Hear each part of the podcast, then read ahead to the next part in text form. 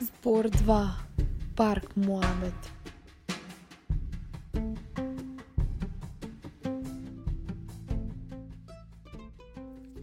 Ова е подкаст кој е исполнет со храбри прашања, па така и ќе започнеме. Кога последен пат сте се запознале случајно или спонтано со друг човек?